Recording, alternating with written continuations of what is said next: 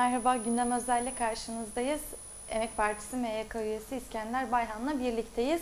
E, gündemi konuşacağız. E, seçim gündemini ve seçim gündemine bağlı olarak e, süren diğer gündemlere de biraz bakmaya çalışacağız. Hoş geldiniz.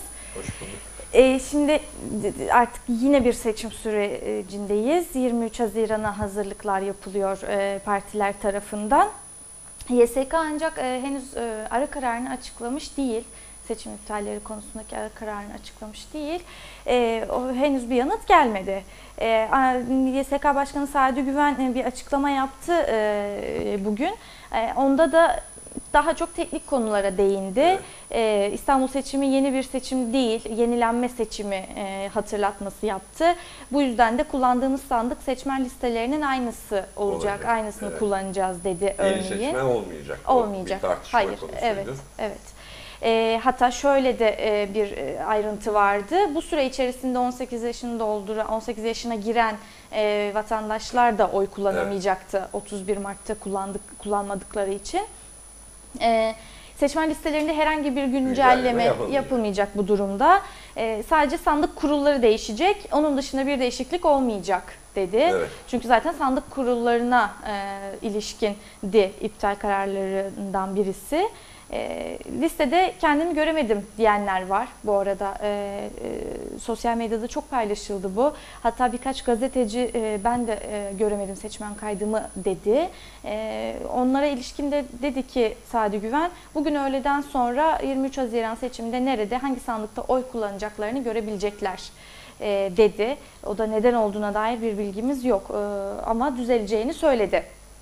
Şimdi bunları hatırlatmışken hem izleyenlere hem size e, şöyle şuradan başlayalım. Şimdi geçen gün e, Binali Yıldırım'a soru sordu gazeteciler e, seçimler iptal oldu neden diye.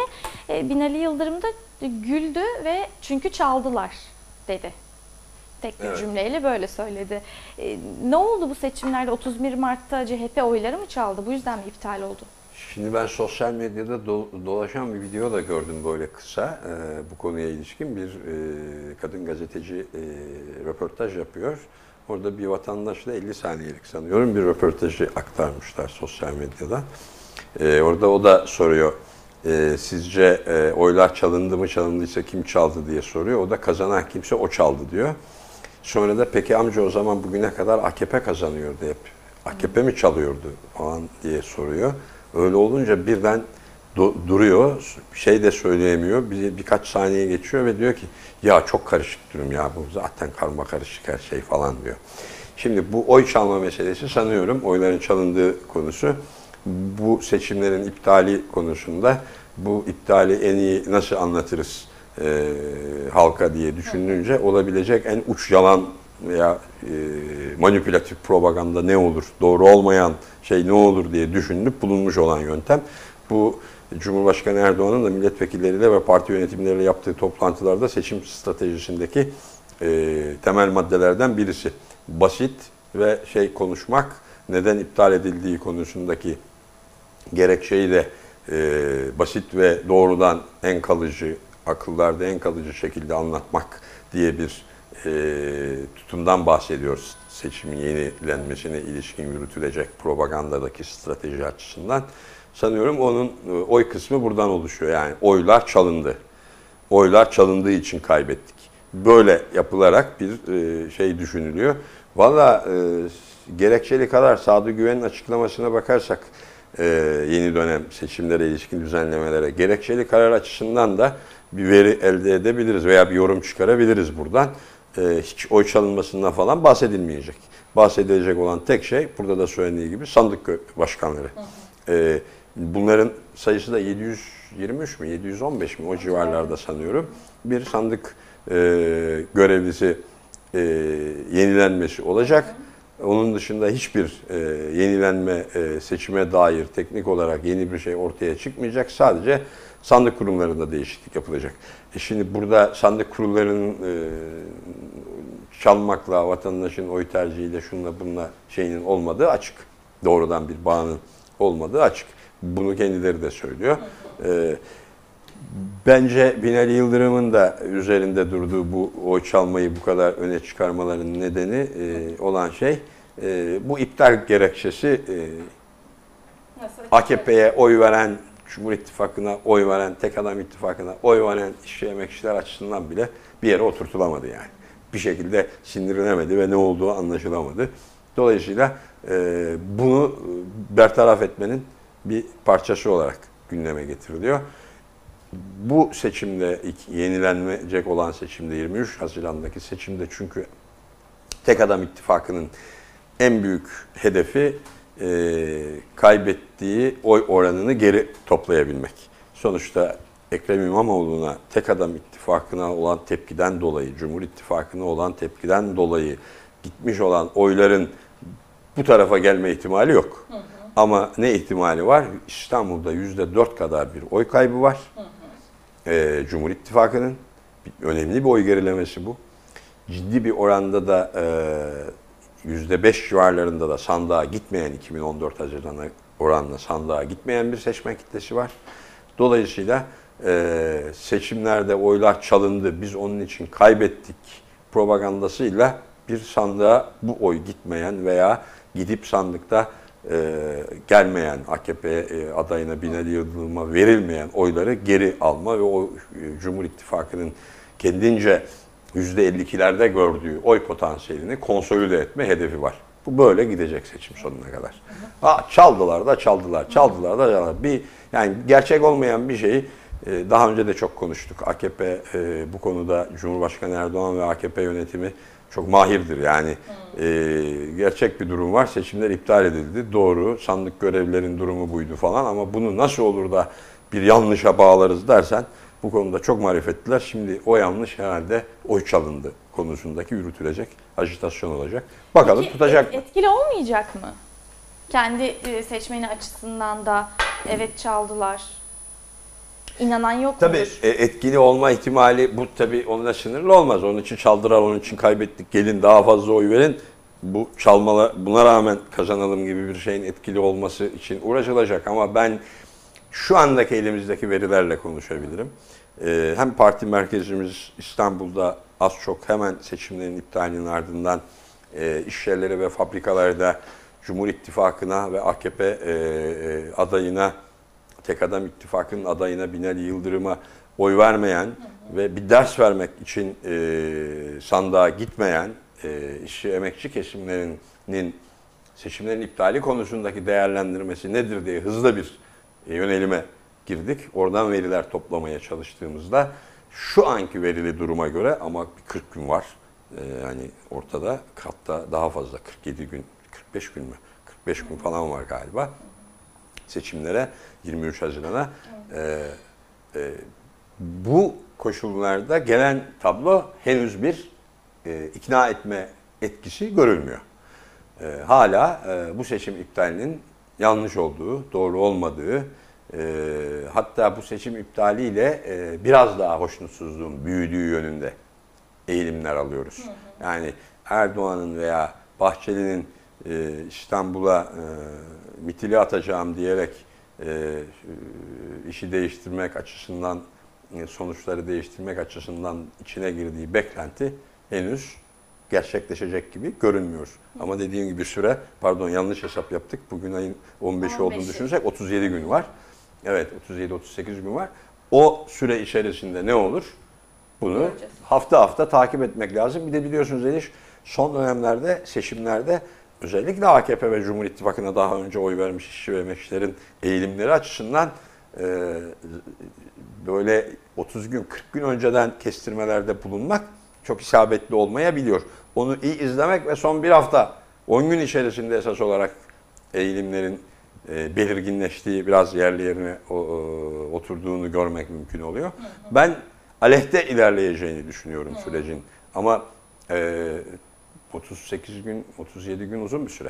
Türkiye gibi bir ülke için yani. Onun için beraber konuşacağız her Evet. hafta. Daha bir ay önce gördük biz işte. Tabii 31 Mart'tan sonra seçimlerin çalınması, e, sandık darbesi meselesine ilişkin, iptaline ilişkin iptalden yana güçlü rüzgarlar esti, iptal olmayacağı yönünde rüzgarlar esti. Hep konuştuk ve işte her hafta neredeyse durumun kendi e, somut koşullar açısından durumun değerlendirilmesi üzerinden farklı sonuçlara varabiliyorduk. Evet. E, ha son noktada hükümetin ve Erdoğan'ın bastırdığı koşullarda iptal edileceğinden şüphemiz yoktu dedik ki GSK buna direnemez en azından büyük çoğunluğu direnemez dedik. Öyle oldu ama son, habire de bir kamuoyunda halkın, işçilerin, emekçilerin, İstanbul kamuoyunun, Türkiye kamuoyunun beklentilerinde de hep zikzaklar çizildi. Onun için burada da yakından takip edeceğiz. Biz parti olarak yakından takip edeceğiz. İnanıyorum e, işçi sınıfının emekçilerin basını da süreci yakından takip edecek ve en somut e, sonucu e, bu süreç içerisinde Etmeye göreceğiz. devam ediyoruz dediğiniz gibi. Ee, bugünün sıcak bilgilerinden birini paylaşalım. Ee, Kadıköy, Maltepe ve Ataşehir'deki tüm sandık görevlilerine de inceleme başlatıldı Evet. bu arada. Ee, bugünün bilgisi o da. Üç ayrı dosyaya bölmüşler. İtirazları, soruşturma itirazlarını. Üç ayrı dosya üzerinden toparlamışlar.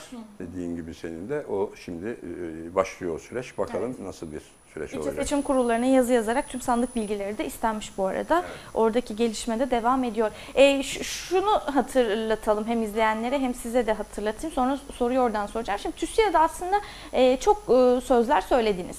E, seçim öncesinde de seçim gecesi de seçimden sonra da ilk açıklama yapanlardan oldukları için. E, şimdi yine yeni bir açıklamaları var. E, TÜSİAD Yüksek İstişare Konseyi Başkanı Tuncay Özilhan'ın bir açıklaması vardı bugün. Şöyle kısaca ne diyordu E, konuşmasında? Sayın Cumhurbaşkanımızın seçimlerden sonra Türkiye ittifakı yapmasını ve geçen hafta kuşattığı bir anlayışa vurgu yapa- yaparak birlik çağrısı yapmasının önemli olduğunu düşünüyoruz. Cumhurbaşkanı Erdoğan birlik çağrısı yaptığını iddia ediyor TÜSİAD ve bunu önemli görüyor.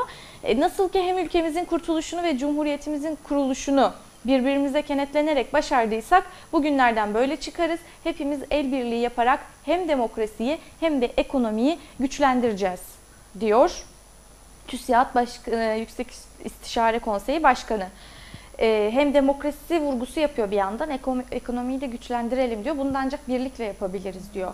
Siz e, nasıl çözülür bu iş? Birlikle çözülür mü? Şimdi tabii açıklamalarda bence şimdi Evrensel e, Gazetesi'nin internet sitesinden e, tekrar bakıyorum. Mesela ara başlıklar bence her şeyi anlatıyor birçok yönüyle. TÜSİAD Başkan Sistemi'nin kurumsallaşmasını istiyor. Seçim ekonomisi tepkisi gösteriyor e, ve e, Türkiye İttifakı çağrısını destekliyor, anlamlı buluyor Erdoğan'ın. Peki ve o zaman hatırlatalım. ki- Şimdi neden biz öyle dedik kurumsallaşmasını istiyor diye. Çünkü açıklamasında şöyle de diyor aynı zamanda Özilhan. Türkiye Cumhuriyeti gibi büyük ve köklü bir devletin sisteminin değiştirilmesi ve uyum, uyumlulaştırılması daha zaman alacak gibi. Cumhurbaşkanlığı sisteminin kurumsal yapısı da daha oluşturulmadı gibi diyor. Evet. Ee, seçim ekonomisi tepkisi de şuradan. Ekonomik performans düştükçe ardı ardına yapılan seçimlerde seçim ekonomisi uygulanıyor. Yapısal sorunların çözümü erteleniyor. 2007'den bu yana tam 14 kez sandığa gittik. İptal edilen İstanbul seçimlerini dahil edersek 15'e denk geliyor. Güçler ayrılığının mükemmel işlediği, yürütmenin çalıştığı, ifade ve medya özgürlüğünün güvence altına alındığı, yargının tarafsızlığı ve bağımsızlığından kimsenin şüphesinin olmadığı bir sistem kurmak için bu seçimleri yaptık. Peki kurabildik mi? Bugün geldiğimiz noktaya bakarsak evet diyemiyoruz Evet. diye de eleştirisini yapıyor. Şimdi çok açıkta bir sistemin en ileri düzeydeki sahiplerinin ıı, örgütü olarak konuştuğu açık Özilhan'ın. Ee, şimdi bence burada e, önemli hususlardan birisi, altını çizmemiz gereken hususlardan birisi, bu sanıyorum Cumhurbaşkanlığı hükümet sistemi değişikliği yapılıp başkanlık sistemine geçildiğinden bu yana yani tek adam e, yönetimine geçildiğinden bu yana TÜSİAD'ın bu sistemin kalıcı hale gelmesi konusundaki en açık tutumu bu. E, şimdi bunu iki yönlü değerlendirmek gerekir. Hem muhalefete ayar veriyor bence. Yani başta CHP ve İyi Parti'ye hem hükümete ayar vermeye çalışıyor. Aslında Türkiye'de tekelci burjuvazinin e, sermayenin, kapitalistlerin esas olarak kar ve servet temelli olan pragmatizmlerinin yansıması, faydacı yaklaşımlarının yansıması olan bir siyasi değerlendirme bu. Ne diyor mesela? Bir açıdan bu parlamenter sistem, başkanlık sistemi, parlamenter sisteme geri dönüş tartışması açısından bir yanıt. Bu nereye yanıt? CHP ve İyi Parti'ye bir yanıt. Yani aslında bu sistemi iyileştirin. Bunun için çalışın diyor. Cumhurbaşkanlığı hükümet sistemini bunun kurumsallaştırmak üzere burada bir e, yargı, yasama, yürütme, denetim, e, güçler ayrılığı meselesini kurmak üzere. Sanıyorum bu Davutoğlu'nun bildirgesinde daha şey ifade edilmişti. Onu geliştirmişler biraz. Öyle gözüküyor. Bu tarafa da yanıt ama bu sistem oturmadı. Bu seçimlerle de oturmuyor bu. Ve burada da Türkiye açısından gidişat iyi olmuyor. Sen de artık bu sistem üzerine eleştirileri dikkate alıp, değerlendirmeleri dikkate alıp, bu ada, başta yargı sistemi olmak üzere başkanlık sistemi ya da tek adam yönetimi merkezli bir e, hükümet sistemi anlayışını kurumsallaştıracak düzenlemeler için adımlar atıp bu seçim işlerini de geride bırakıp yapısal reformlar dediği bu, politikalar dediği kriz ve e, politik sisteme ilişkin ortak bir mutabakat kur. Şimdi bunun üzerine otursak saatlerce konuşabiliriz. Yani bu yaklaşım üzerine TÜSİAD'ın ve bunun ne kadar karşılık bulup bulmayacağı üzerine. Ama özü itibariyle şunu söyleyebiliriz. Bütün e,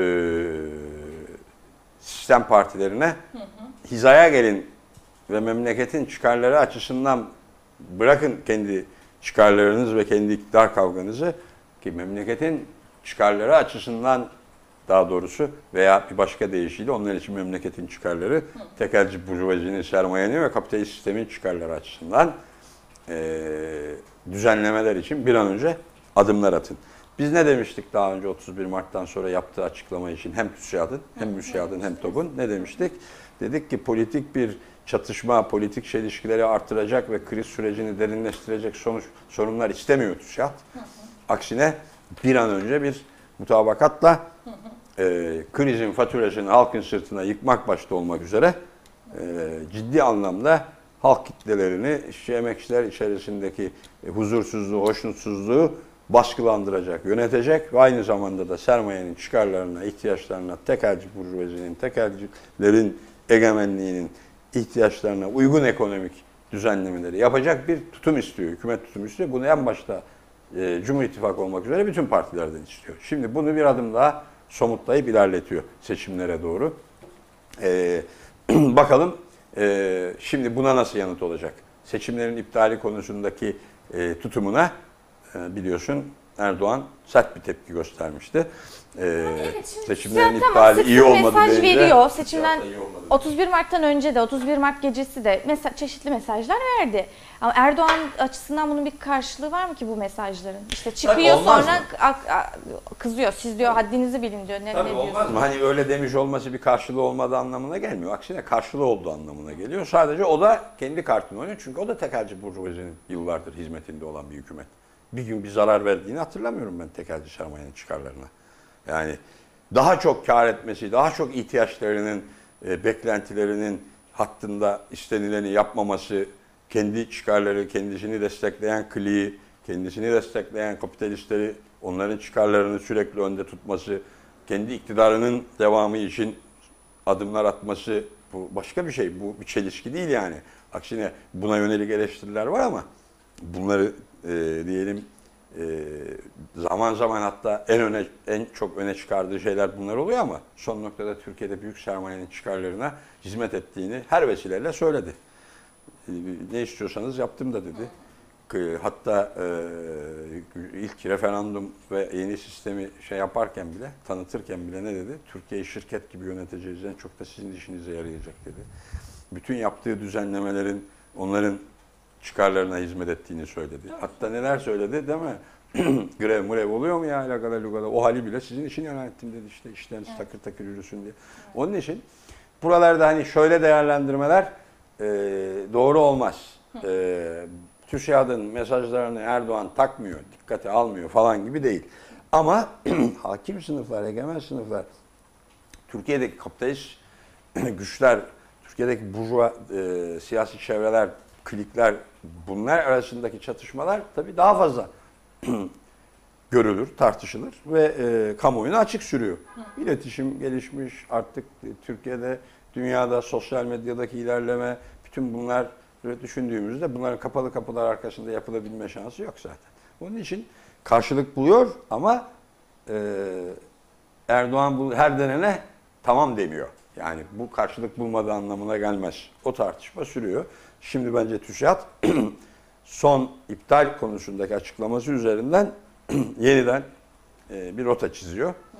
Burada da bakalım, burada mesela önce muhalefetin söylemesi lazım. Kurumsallaştırma, TÜSİAD bakarsak bu açıklamasında Cumhur İttifakı'nın yanında ona eleştirel bir destek verdiğini açık ifade ediyor. Yani bu sistem otursun. Başkanlık sistemi, Cumhurbaşkanlığı hükümet söylüyor, sistemi evet. otursun diyor. Evet. Bunun sorunları var ama bunun kurumsallaşması da zaman alacak. Bunun üzerine tartışmaları bir yana bırakın.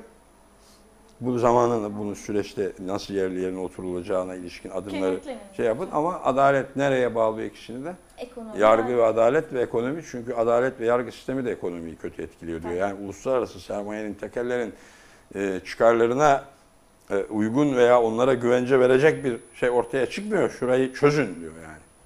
Tabii demokrasi, yargı bağımsızlığı, hukukun üstünlüğü, ifade özgürlüğü. Bu ilkeleri hatırlatıyor. Tabii bütün bunlar uluslararası tekerlerinde Türkiye'de hani diyorlar ya piyasaya güven vermeme, piyasanın kaçması, piyasaya yatırımcıların e, ya da piyasa aktörlerinin şeye güvenmemesi falan, istikrarsızlığın olması, onun içinde kalıcı olmaması falan gibi meseleler. Bunlar onları teminat altına alsın diyor yani. Bir an önce bunları çözün diyor. E, bence bu açıdan da tutarlı yani. Şunu söylediniz ya girişte, e, Davutoğlu'nun bildirgesinin daha geliştirilmiş hali gibi dediniz. Bu bölümü yani. Ta- bu bölümü. Peki yani ne- na- nasıl bir şey iddia ediyorsunuz? TÜSİAD Davutoğlu'nun siyaset sahnesinde aktif rol ol- almasını istiyor mu? Mesajı mı? Bu fikri savunacak Çıkar. herkesin aktif yer almasını ister TÜSİAD siyaset sahnesinde yani. Bu bunu savunduktan sonra herkes yer alsın. Davutoğlu da, Ali Babacan da, Abdullah Gül de. Yani Cumhurbaşkanlığı hükümet mesela şöyle bir şey demiyor. İyi Parti ve Cumhur e, CHP'nin Millet İttifakı'nın e, hem 24 Haziran seçimlerinde e, hem de referandumdaki en büyük şey neydi? e, programı, karşı programı, iktidar tek adam yönetimi karşısındaki programın başlığı neydi? Zaten çok ayrıntı söylemediler. Parlamenter demokrasiye, parlamenter sisteme geri dönmek. Şimdi TÜSİAD da burada artık böyle bir şeyin bence belirgin biçimde artık bunun peşini bırakın. Kuvvetler ayrılığı yani işte klasik e, burjuva demokrasisi tartışması yapılacaksa da e, burjuvazi bir aramızda bir demokrasi tartışacaksak da yani kuvvetler ayrılığı, güçler ayrılığı falan biçimsel de olsa işte hukukun üstünlüğü, yargı sisteminin bağımsızlığı tartışmaları yapacaksak da bunu Cumhurbaşkanlığı, başkanlık sistemi temelinde, Cumhurbaşkanlığı hükümet sistemi ya da başkanlık sistemi temelinde yapalım. Yani tek adam yönetimi temelinde yapalım diye bir tutum belirlemiş oluyor bence. Daha önce de Türkiye'de ilk başkanlık sistemini gündeme getiren örgüttür TÜSİAD zaten. Başkanlık sistemine geçiş konusunu. Yani bugünkü açıklamasının asıl mesaj siz diyorsunuz ki Millet İttifakı'na verildi. İki tarafa da bence. İki tarafa da veriyor. İlk kez Millet İttifakı'na da bir mesaj veriyor Daha seçimden sonra o açıdan. Evet açıkta. Yoksa iki tarafa da veriyor mesajını yani. Hükümete de veriyor orada. Tabii. Şey Yani yok. ama en azından hükümete Tabii. verdiği mesajda çok bir değişiklik yok. Bunu sık Evet, sık hatırlatıyor çünkü. ediyor. Ya demokrasiyi Evet, bir e, güvence altına alın, ekonomi düzelsin. Ona devam ediyor Millet Evet. İttifakı daha yeni ve dediğiniz gibi belki üzerine biraz tartışılması gereken kısmı. Peki e, biraz şimdi TÜSİAD'dan giderken şöyle e, çeşitli gerçekleri de bir hatırlayalım. E, Türkiye İstatistik Kurumu TÜİK'in Şubat ayı işsizlik oranları açıklandı bugün. E, ve şöyle TÜİK verilerine göre işsizlik Ocak'taki e, seviyesini sürdürerek %14,7 olarak e, açıklandı. Böyle gerçekleştiği söylendi. E, ve şöyle bir not var. Türkiye'de işsizlik oranı en son uluslararası krizin etkili olduğu Şubat 2009'da %14,8 ile zirve yapmıştı. Bugün ne diyoruz? %14,7. Aynı seviyeye geldi yani. O zamanki seviyeye. Tabi burada bu oransal olarak diyoruz ama bir de rakama vurduk mu o zamanki iş gücü sayısıyla 2009'daki istihdam ve iş gücü sayısıyla vurduğumuzda hani insan olarak, yurttaş olarak sayıya vurduğumuzda tablo bu 4 milyon 730 civarında galiba. 4 milyon 730 bin kişi. kişi. Yani Evet. o zaman rakam bu kadar değildi. Oran aynıydı ama 4 milyon 730 bin kişi şu anda işsiz ve bu resmi rakamlara göre. Resmi rakamlara göre, evet, TÜİK'in rakamlarına göre 2019 yılı Şubat dönemi e, bahsettiğimiz dönem yani karşılaştırdığımız dönemde e, geçen yılın aynı dönemine göre 1 milyon 376 bin kişi Evet, artmış. Dediğiniz gibi daha düşükmüş yani rakama vurulduğunda. Ya o, o şundan dolayı söylüyorum yani oranın ım, aynı olması e, insanların çektiği çile halka maliyeti, işçilere, emekçilere maliyetinin de aynı olduğu anlamına gelmiyor. Bu çok daha ağır bir maliyet demek yani. Çünkü, Çünkü bir yandan alım gücünün tabii iş gücü olması. hem alım gücü düşüyor hem iş gücü artıyor. E, iş gücü oranı artıyor üretime veya e, iş arayan iş gücü oranı artıyor ve e, ona rağmen işsizlik e, büyüyor, yükseliyor ya da yüksek seyrediyor. O zaman bu demektir ki biz önümüzdeki dönem bittikçe zaten öngörüler de öyle 5 milyonu bulma ihtimali bile yüksek. Şimdi hükümet neye dayanıyor? Yaz geliyor da turizm sektörü işte canlanacak. Şey olacak, geçici istihdam, mevsimlik istihdam falan. Buralardan belki biraz rakamları çekmeye çalışacağız falan diyor. Ama sanıyorum Türkiye'nin artık işsizlik rakamları e, uzunca bir zaman bu şeyde seyredecek. Uzunca bir zaman 9'larda onlarda seyredi, seyrediyordu. 10 10 buçuk o arada seyrediyordu. Şimdi artık 14'ler 15'lerde seyredecek. Evet. Ee, başka bir bilgiyi daha ekleyelim yine. Ee, bütçe ilk 4 ayda 54,5 milyar açık vermiş. Evet. Yıl sonuna kadarki tahminleri 80 milyardı açık tahmini. Onun zaten e, üçte ikisine yakınını 4 ayda tük- ulaşmış. Yani bütçe e, şeyde tutmayacak. Önü, önümüzdeki dönem bunları revize etmek durumunda kalacak hükümet yani. Yani tüm bu rakamları düşünerek e, ne bekliyor vatandaşı? Şimdi tamam iyi, seçimlere gidiyoruz, yine seçim tartışıyoruz vesaire ama e, 31 Mart'tan önce de ekonomiyi konuşmuştuk. Evet. E tabii bir gelişme olmadığı için yine konuşmaya devam ediyoruz. Ama seçimler yine gelecek, geçecek. Sonuç ne olursa olsun vatandaşı bu koşullarda ne bekliyor? Daha ağır kriz koşullarının daha da ağırlaşması bekliyor, bek- e, bekliyor ve kriz koşulları daha ağırlaştıkça da işsizlikte, geçim derdi de e, e, hatta e, denebilir ki e, büyük oranda hatta bir e, bakarsak bu işin faturasını e, vatandaşa kesme politikaları da daha yoğunlaşarak devam edecek. Şimdi hep böyle bu seçimlerden dolayı biraz ufak tefek böyle popülist şeyler falan mı oluyor gibi işler tartışılır ama oralarda bence hiç e, bir e, hükümet şu anda sıfıra tüketmiş durumda yani hiç beklentilere yanıt verecek popülist bir siyaset izleyecekse bile e, bunun maliyeti çok kısa sürede iki katı olarak halka, işçilere, meşlere dönecek bir siyaset olacak bir hatta ilerliyor yani. Merkez Bankası'ndaki döviz rezervleri de dahil, faiz de dahil, enflasyon da dahil ciddi bir yük olarak gelecek. Burada çok açık bir e, işçi ve emekçiler açısından çok açık bir tekerlere karşı ve hükümetin de tekerlerin hizmetindeki politikalarına karşı açık bir mücadele, hak mücadelesi sürdürmedikçe e, bir umuda kapılması, beklentiye kapılması, bu işlerin düzeleceğini gibi bir beklenti içerisine girmesi e, ham hayal olur. Ayrıca da Albayrak'ın, damadın propagandasına aldanmak olur yani. Başka Evet. bir şey olmaz. Şimdi Erdoğan konuşmasında şöyle diyordu, e, tam ifadeleri olmasa da şuraya çıkacak e, cümleler kurdu. Ya ekonominin, e, belediye seçimlerinin ekonomiyle ne ilgisi var? Buradan propaganda yapıyorlar ama bununla ne ilgisi var ekonomiden sorumlu benim diyordu. E, öyle mi? Ekonomiyle bir ilişkisi yok. O zaman biz tüm bu işsizlik rakamlarını, yaşadığımız sorunları bir kenara bırakalım. Sandığa öyle mi gidelim? Vallahi işte Cumhurbaşkanı Erdoğan'ın İstanbul seçimlerine ne kadar ilgisi varsa madem öyle ekonomi de ona bağlı bir alan olarak İstanbul seçimleriyle o kadar ilgisi var. Yani nasıl laflar ettiğine bakarsak yani başka türlü şeyler söylenebilir ve başımıza başka işler gelebilir diye çok şey yapmıyorum da yani hem diyeceksin ki İstanbul seçimlerinin ekonomiyle ne ilgisi var o bana bağlı. E İstanbul seçimleri kime bağlı? Ekonomi de sana, her şey sana bağlı zaten. Tek adam düzeninin başında sen varsın zaten. E, dolayısıyla her şey sana bağlı olduğu için her şey de birbirine bağlı. Hadi diyelim. E, dolayısıyla ekonomi, ekonomi, seçimler hepsi bir arada senin dediğin gibi gidiyor zaten. Dolayısıyla ne demek yani İstanbul seçimlerinin ekonomiyle ne alakası var?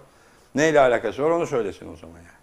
İstanbul'un 100 milyarlık bütçesi e, kiminle alakalı? Ne oluyormuş yani? Ya bence Cumhurbaşkanı Erdoğan'ın halkla, işçilerle, emekçilerle bir alakası kalmadı yani. Olumlu anlamda. Onların beklentiler anlamında. Onun için böyle konuşabiliyor yani. Doğru. Onlara da bir alakası kalmayan bir hatta bakarsak ekonomiyle bir alakası yok deyip onlara e, böyle mesajlar verebiliyor yani. Evet. Peki teşekkür ediyorum ben. Ee, teşekkür bugünlük ederim. böyle Kolay hızlı gelsin. hızlı e, birkaç şeyi değerlendirmeye çalıştık. Önümüzdeki haftalarda e, daha da derinlikli tartışmaya devam Evet. edeceğiz diyelim o zaman e, Evet. seçimlere kadar. E, kolaylıklar diliyorum. Evet gündem özelden bugünlük bu kadar. Görüşmek üzere.